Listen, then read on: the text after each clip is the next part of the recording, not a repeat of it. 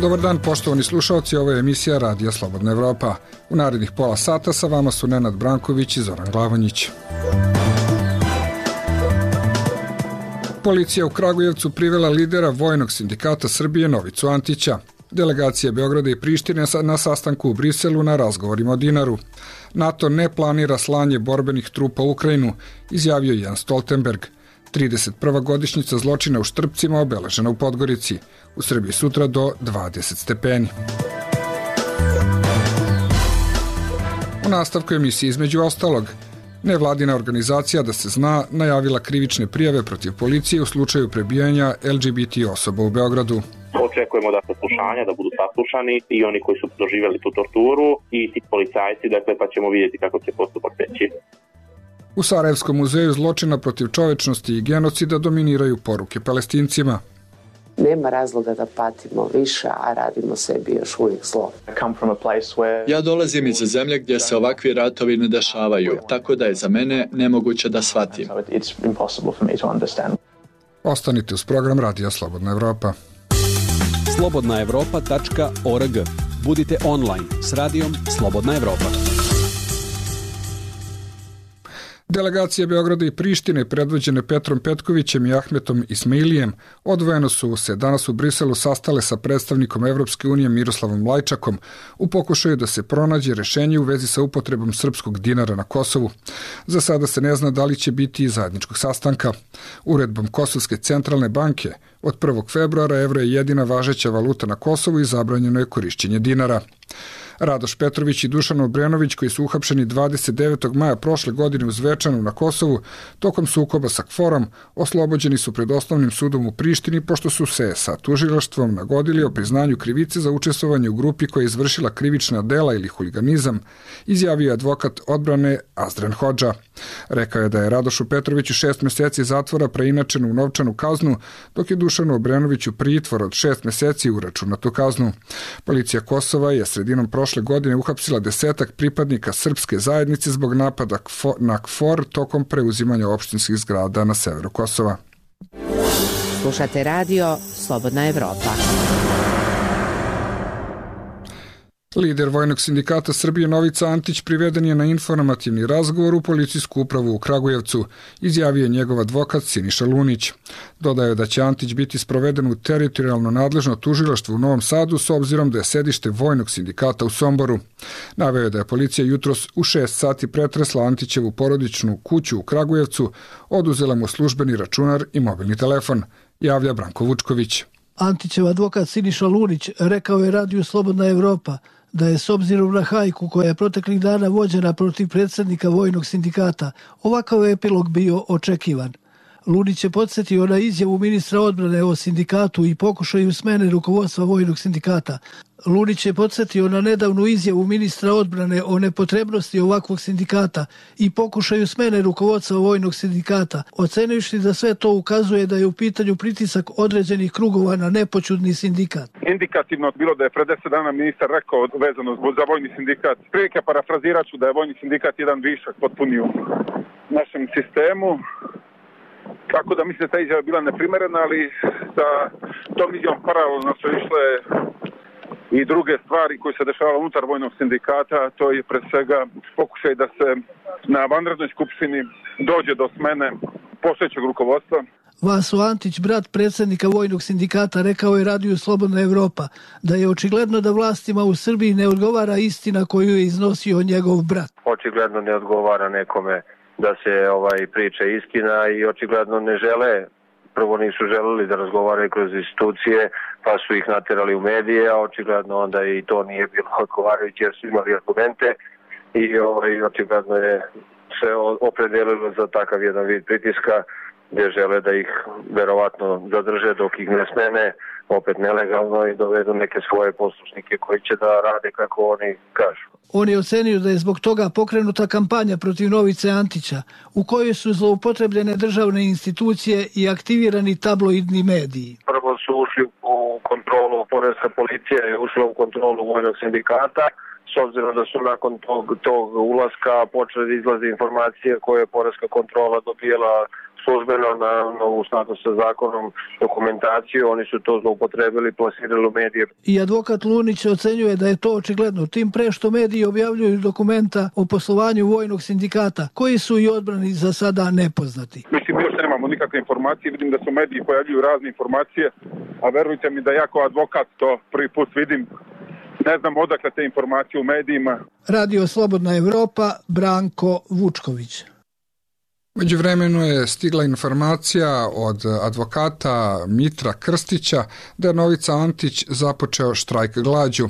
Na pitanje novinara zašto se Novica Antić tereti, Krstić je rekao da je u pitanju osetljiv teren i da će najverovatnije doći do prekvalifikacije krivičnog dela, ali, do da, ali da dokazi, kako tvrdi, ne postoje i da je reč o političkom procesu. Nadležno tužilaštvo postupa po pritužbi na rad policajaca koje je podnela Organizacija za zaštitu LGBT prava, saopštilo je Ministarstvo unutrašnjih poslova Srbije po tvrdnji nevladinog udruženja da se zna da su nezakonito primenili silu prilikom intervencije u Beogradu, prenosi Iva Gajić. Iz MUPA je rečeno da će policajci, ukoliko se ustanovi da su prekoračili ovlašćenja, biti sankcionisani u skladu sa zakonom.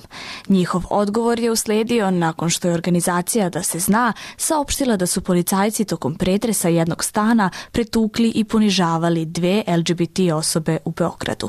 Bojan Lazić iz te organizacije je najavio više krivičnih prijava povodom ovog slučaja. Mi ćemo do kraja, do kraja ove nedelje podneti dve krivične prijave, za sada ih koncipiramo, e, s tim što su i oni e, obavestili tužila što to su morali da urade zato što e, po tim njihovim pravilima, po, po zakonu, ukoliko postoje sumnjen da su ti policijski službenici izvršili neko krivično delo, onda je sektor unutrašnje kontrole dužan da obavesti tužilaštvo, tako da ja verujem da je tužilaštvo već sada ovaj, obavešteno o tome, e, tako da, ali pored toga mi ćemo do kraja nedelje podneti obe krivične prijave, tako da će tužilaštvo imati materijal sa kojim će, ovaj, sa kojim će raditi.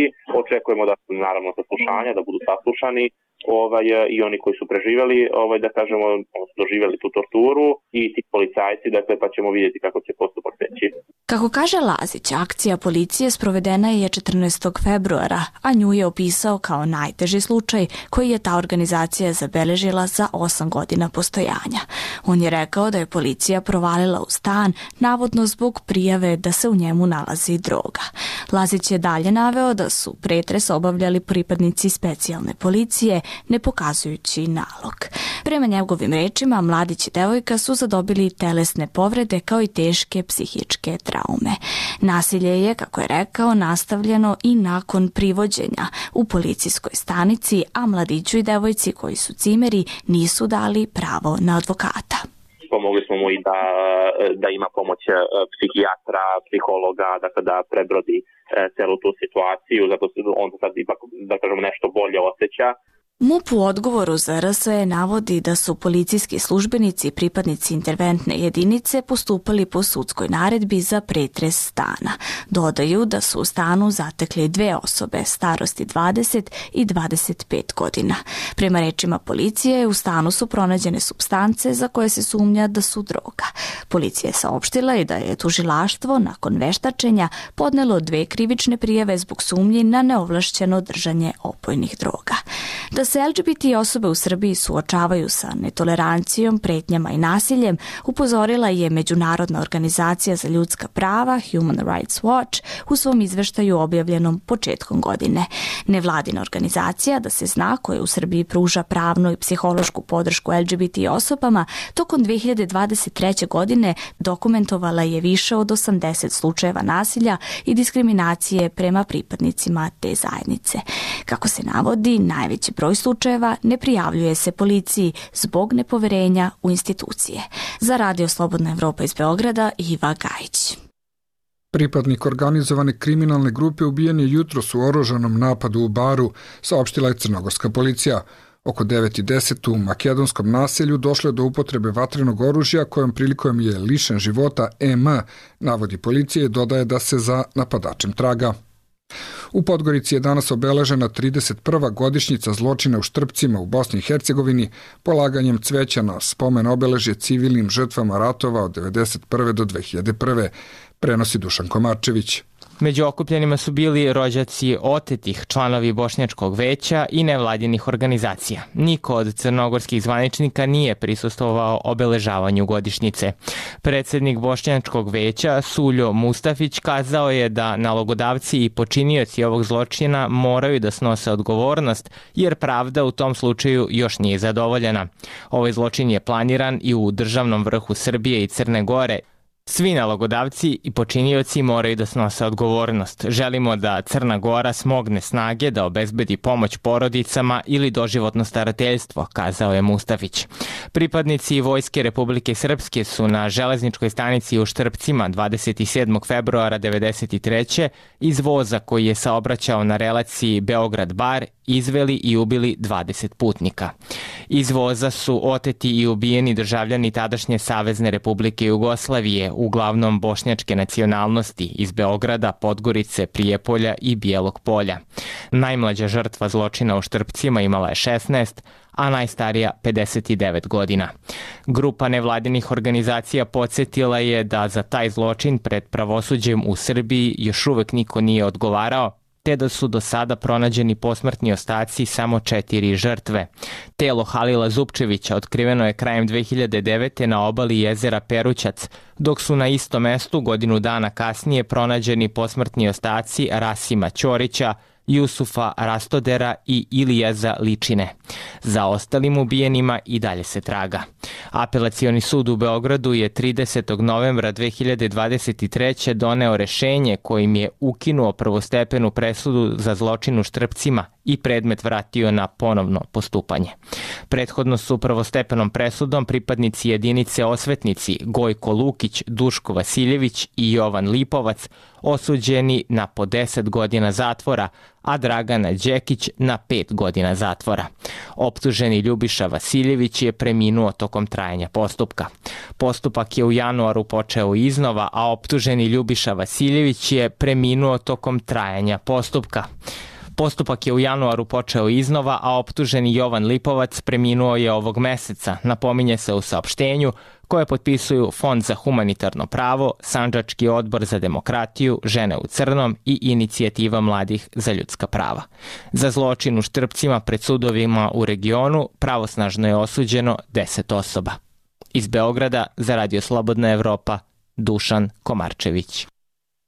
Desetine meštana Zablaća, Baluga i Mojsinja protestovalo je danas ispred opštinskog suda u Čačku na zapadu Srbije u oči suđenja trojci učesnika blokade na izgradnji trase autoputa kroz njihov kraj. Okupljeni su rekli da je blokada bila prijavljena policiji i da je organizovana jer im nije isplaćena zemlja oduzeta pre četiri godine za izgradnju te saobraćajnice. Sud je brzo počeo suđenje za navodno ometanje radova, a nama četiri godine ne može da presudi po tužbama zbog oduzete zemlje, rekla je Mirjana Ranković iz sela Mojsinje. Slušate program Radija Slobodna Evropa. Privedeni lider Vojnog sindikata Srbije Novica Antić počeo štrajk glađu. Delegacije Beograda i Prištine na sastanku u Briselu na razgovorima o dinaru.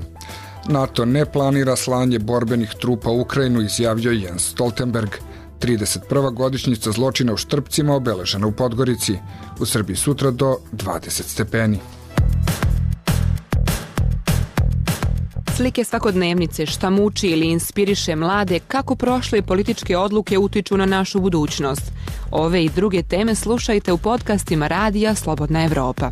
Sve epizode pronađite na iTunesu, Spotify, Google podcastima, kao i na slobodnaevropa.org. Slušajte odmah ili preuzmite epizodu za kasnije. Tu smo svakog dana. Podcasti Radija Slobodna Evropa. NATO ne planira da pošalje trupe u Ukrajinu, izjavio je generalni sekretar tog vojnog saveza Jens Stoltenberg. On je za AP rekao da države članice od 2014. pružaju podršku Ukrajini, ali da ne postoje planovi da se tamo rasporede borbene jedinice Severnoatlantske alijanse. Premijeri Poljske i Češke Donald Tusk i Petar Fiala na sastanku u Pragu takođe su izjavili da te zemlje ne razmatraju slanje trupa u Ukrajinu. Vojska Izraela ubila je Muhameda Daragmeha, komandanta palestinskog islamskog džihada u Tubasu na okupiranoj zapadnoj obali, javili su palestinski mediji. Vojno krilo islamskog džihada potvrdilo je da su ubijeni članovi te ekstremističke organizacije, preneo AP. Palestinski Hamas, koji je Evropska unija i SAD smatraju terorističkom organizacijom, dobio je predlog o primirju u Gazi, sačinjen na pregovorima u Parizu, koji predviđa pauzu od 40 dana u vojnim operacijama i razmenu palestinskih zatvorenika za izraelske taoce. Kako prenosi Reuters iz neimenovanog izvora, Hamas bi trebalo da oslobodi 40 talaca, a Izrael 400 palestinskih zatvorenika. Predviđa se i obnavljanje bolnica i pekara u pojasu Gaze, kao i ulazak svakog dana po 500 kamiona humanitarne pomoći. Predsednik Sjedinjenih američkih država Joseph Biden izjavio je da bi Izrael bio spreman na prekid vatre u Gazi tokom Ramazana, koji počinje 10. marta, ako se postigne sporazum da se oslobodi deo talaca. Hamas je Reutersu saopštio da je ta izjava preuranjena i da ne odgovara situaciji na terenu. Dnevno et RSE. Pregled regionalnih i svetskih događaja dana. Pad palestinske vlade na zapadnoj obali nakon što je premijer Muhamed Štaje podneo ostavku mogao bi da otvori put reformama neophodnim za povratak palestinske uprave, pišu svetski mediji. Izvršna vlast koju je vodio Štaje, palestinska uprava ima delimičnu autonomiju na zapadnoj obali. Kao glavni razlog za odlazak sa funkcije naveo je da novi politički dogovori treba da uzmu u obzir realnost u pojasu Gaze. Sjedinjene američke države su u poslednje vreme vršile pritisak na predsednika Mahmuda Abasa da osnaži palestinsku upravu i počne rad na političkoj strukturi koja će upravljati pojasom gaze nakon rata. Sledeća faza zahtevaće razgovore o nacionalnom jedinstvu i proširenje vlasti palestinske uprave nad celom zemljom Palestinom, rekao je šta je saopštavajući odluku o odlasku. Reuters podsjeća da Fatah koji kontroliše palestinsku upravu i Hamas, koji su Sjedinjene američke države i Evropska unija, proglasile terorističkom organizacijom, 28. februara planiraju sastanak u Moskvi na kom bi razgovarali o mogućnosti za formiranje zajedničke vlade.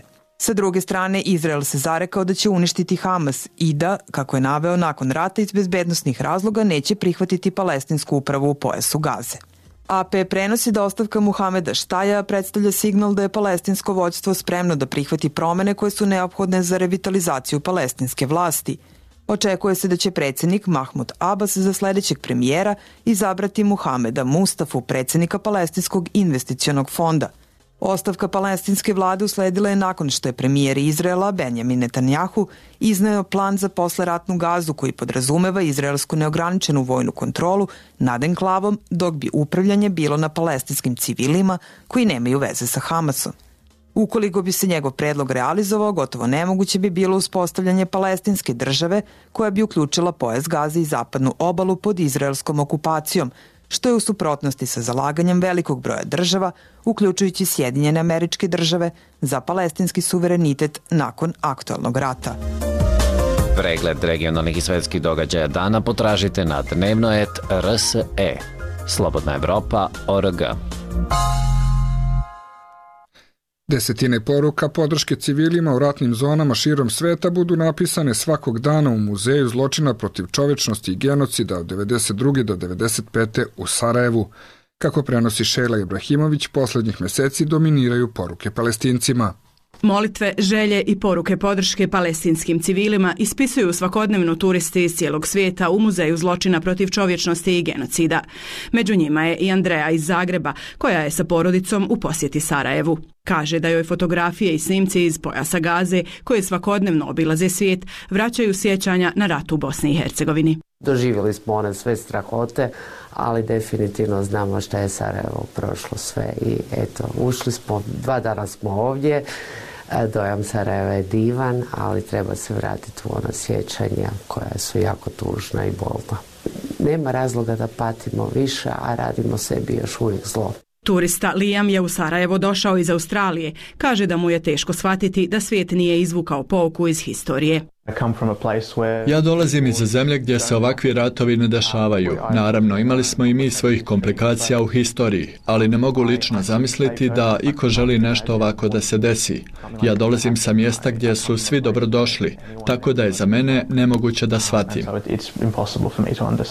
Tokom četiri mjeseca u pojasu Gaze ubijeno je više djece, novinara i medicinara nego i u jednom ratu, pokazuju podaci Ujedinjenih nacija. Muzej je otvoren 2016. godine s nadom da će biti opomena i pouka za buduće generacije, kaže Belma Zulić, kustosica muzeja. Zaista puno sličnosti s onim što se danas dešava u svijetu, od etničkog čišćenja, kršenja ljudskih prava, e, borbe e, za život gdje imamo dakle, nehumane uslove u kojima ljudi i borave bez hrane, bez vode, bez struje, bez krova nad glavom, gdje se u suštini sistematski ne samo uništava jedan narod, već i kulturno-istorijsko nasljeđe, gradovi, sve ono što u suštini čini jednu kulturu, naciju i državu. Više od 10.000 eksponata čuva sjećanje na zločine u Bosni i Hercegovini 90. godina. Građani i danas doniraju muzeju lične predmete i uspomene na svoje najmilije ubijene u ratu. Ova kulturna ustanova je jedna od najposjećenijih destinacija u Sarajevu prema globalnoj turističkoj platformi TripAdvisor. Za Radio Slobodna Evropa iz Sarajeva, Šejla Ibrahimović.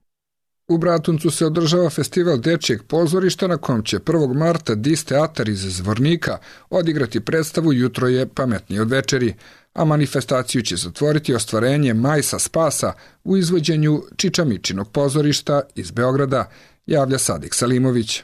Festival dječjeg potorišta je prilika da se mladi glumci amateri predstave publici i pokažu talenat, kaže Katarina Davidović, glumica u Bratunaškom potorištu Milica Topalović. Ovo je e, naš prvi festival dječjeg pozorišta u Bratuncu. Mislim da je odlična prilika da sarađujemo sa drugim pozorištima, da upoznamo neke druge glumce, da se afirmišemo i da se posavjetujemo sa njima. Nenad Lazić ima 17 godina i glumi u potorištu Milica Topalović, a sada je u prilici da prenosi znanje na mlađe generacije. Prvu ulogu sam imao u ovom pozorištu, pa sad ja prenosim na dugu djecu i mlade, evo igram u predstavi. Najljepša esencija pozorišta kad imamo taj kontakt, tu reakciju, kad je i nama lijepo, kad uvijek se sjećamo uvijek tog mjesta gdje smo igrali te nutke i znamo šta je to bilo karakteristično za to područje. Na festivalu u Bratuncu predstavili su se glumci iz Živinica.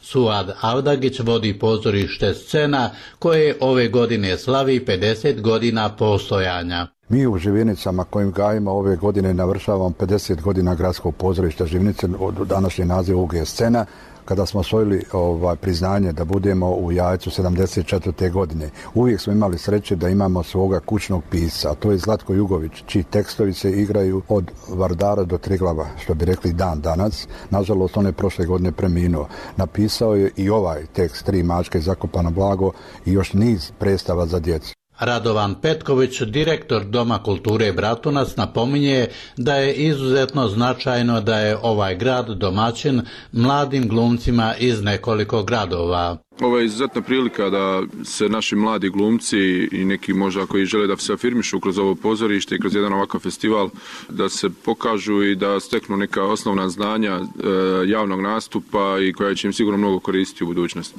Nadam se da će neko od naših glumaca i upisati fakultet dramskih umjetnosti. Festival se organizuje uz podršku Ministarstva civilnih poslova, Savjeta ministara Bosne i Hercegovine, a organizatori su Udruženje Arte iz Bratunca i Dom kulture. Za radio Slobodna Evropa iz Bratunca, Sadik Salimović. Zimski deo međunarodne konferencije Kragujevac Comic Con protekao je u znaku stripa Zagonetač godina prva, koji Stefan Subić radi za američki DC Comics – Zagonetač je bio narativna prethodnica filmu Batman iz 2022. koji je osmislio glumac i scenarista Paul Dano i poverio je Zrenjanincu Subiću. Sa njim je razgovarao Branko Vučković. Američki DC komik je jedan od najvećih i najzahtevnijih izdavača stripova u svetu i zbog toga se do ugovora sa njim veoma teško stiže. Stevana Subića, strip umetnika iz Zrenjanina DC-u su pored njegovog talenta i kvaliteta preporučili i minuli rad i upornost. Ako je nešto dobro i ako se u to veruje ide se tim putem, a ja istinski verujem da, da to uvijek najđe na pravo na pravo osobu u jednom trenutku. A moj portfolio je bio u, u DC-u zbog nečega što smo radili nekoliko godina uoči toga, na jedan kolega i ja. Nudili smo neku ideju, ta ideja međutim nije prošla ali su urednici u DC-u sačuvali su moj dizajn, moje radove. A, I onda su jednostavno kada je trenutak došao da se priča o Rinderu, o zagunetaču, oni potegli tu galeriju mojih rešenja i, i jednostavno su mi uzeli u razmatranje. Subić je pre DC-a crtao za najpoznatije francuske i italijanske izdavačke kuće, gde je stekao značajno iskustvo, koje mu je sada dobrodošlo za realizaciju ovog velikog američkog projekta. Na prvom mjestu istinska škola, najveća moguće koju bilo koji umetnik vizualni može da, može da ima. Da, na prvom mjestu ti ljudi, shodno svojim školama, svojim pristupima ovoj umetnosti imaju svoje granice i svoje, svoje potrebe, svoje naravi i tako dalje, svoje estetike i vi učite hteli ne hteli radit će sa njima o tome.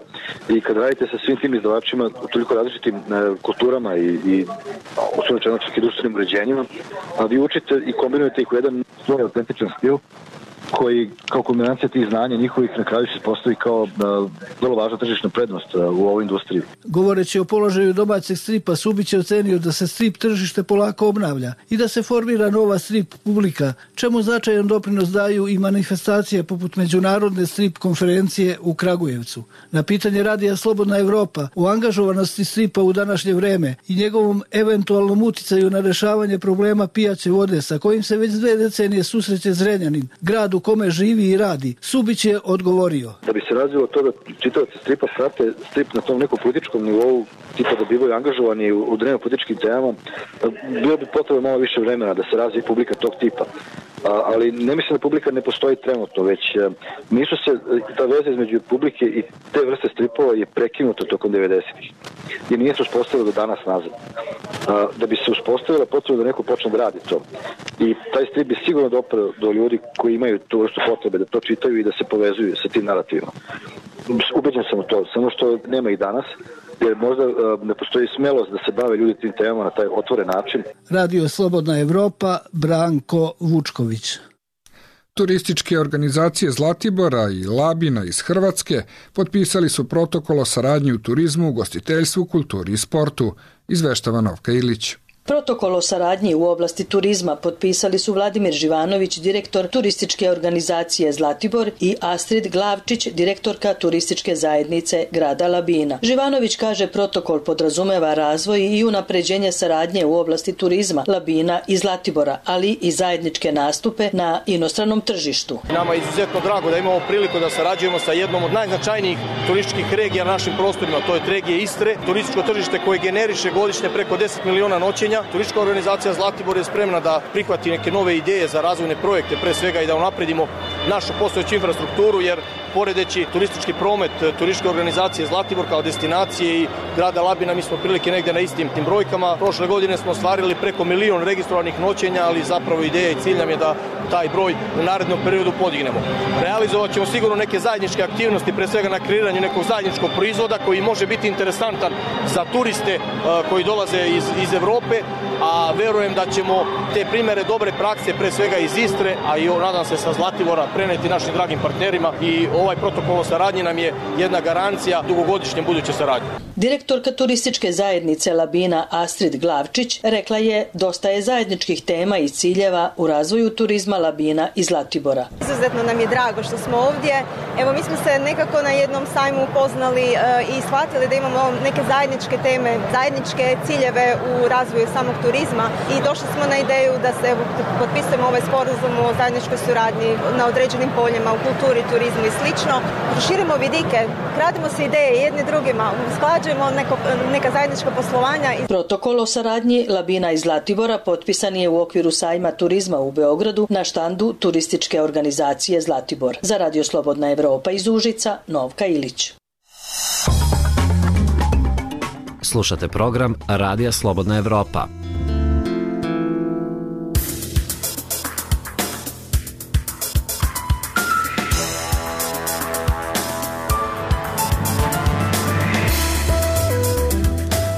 Uhapšeni predsednik Vojnog sindikata Srbije Novica Antić počeo štrajk glađu. Delegacija Beograda i Prištine na sastanku u Briselu na razgovorima o dinaru. NATO ne planira slanje borbenih trupa u Ukrajinu, izjavio Jens Stoltenberg. 31. godišnjica zločina u Štrbcima obeležena u Podgorici. U Srbiji sutra do 20 stepeni. Poštovani slušalci, bilo je to sve u ovoj emisiji Radija Slobodna Evropa koje su pripremili Nenad Branković i Zoran Glavonjić. Želimo vam prijetan dan.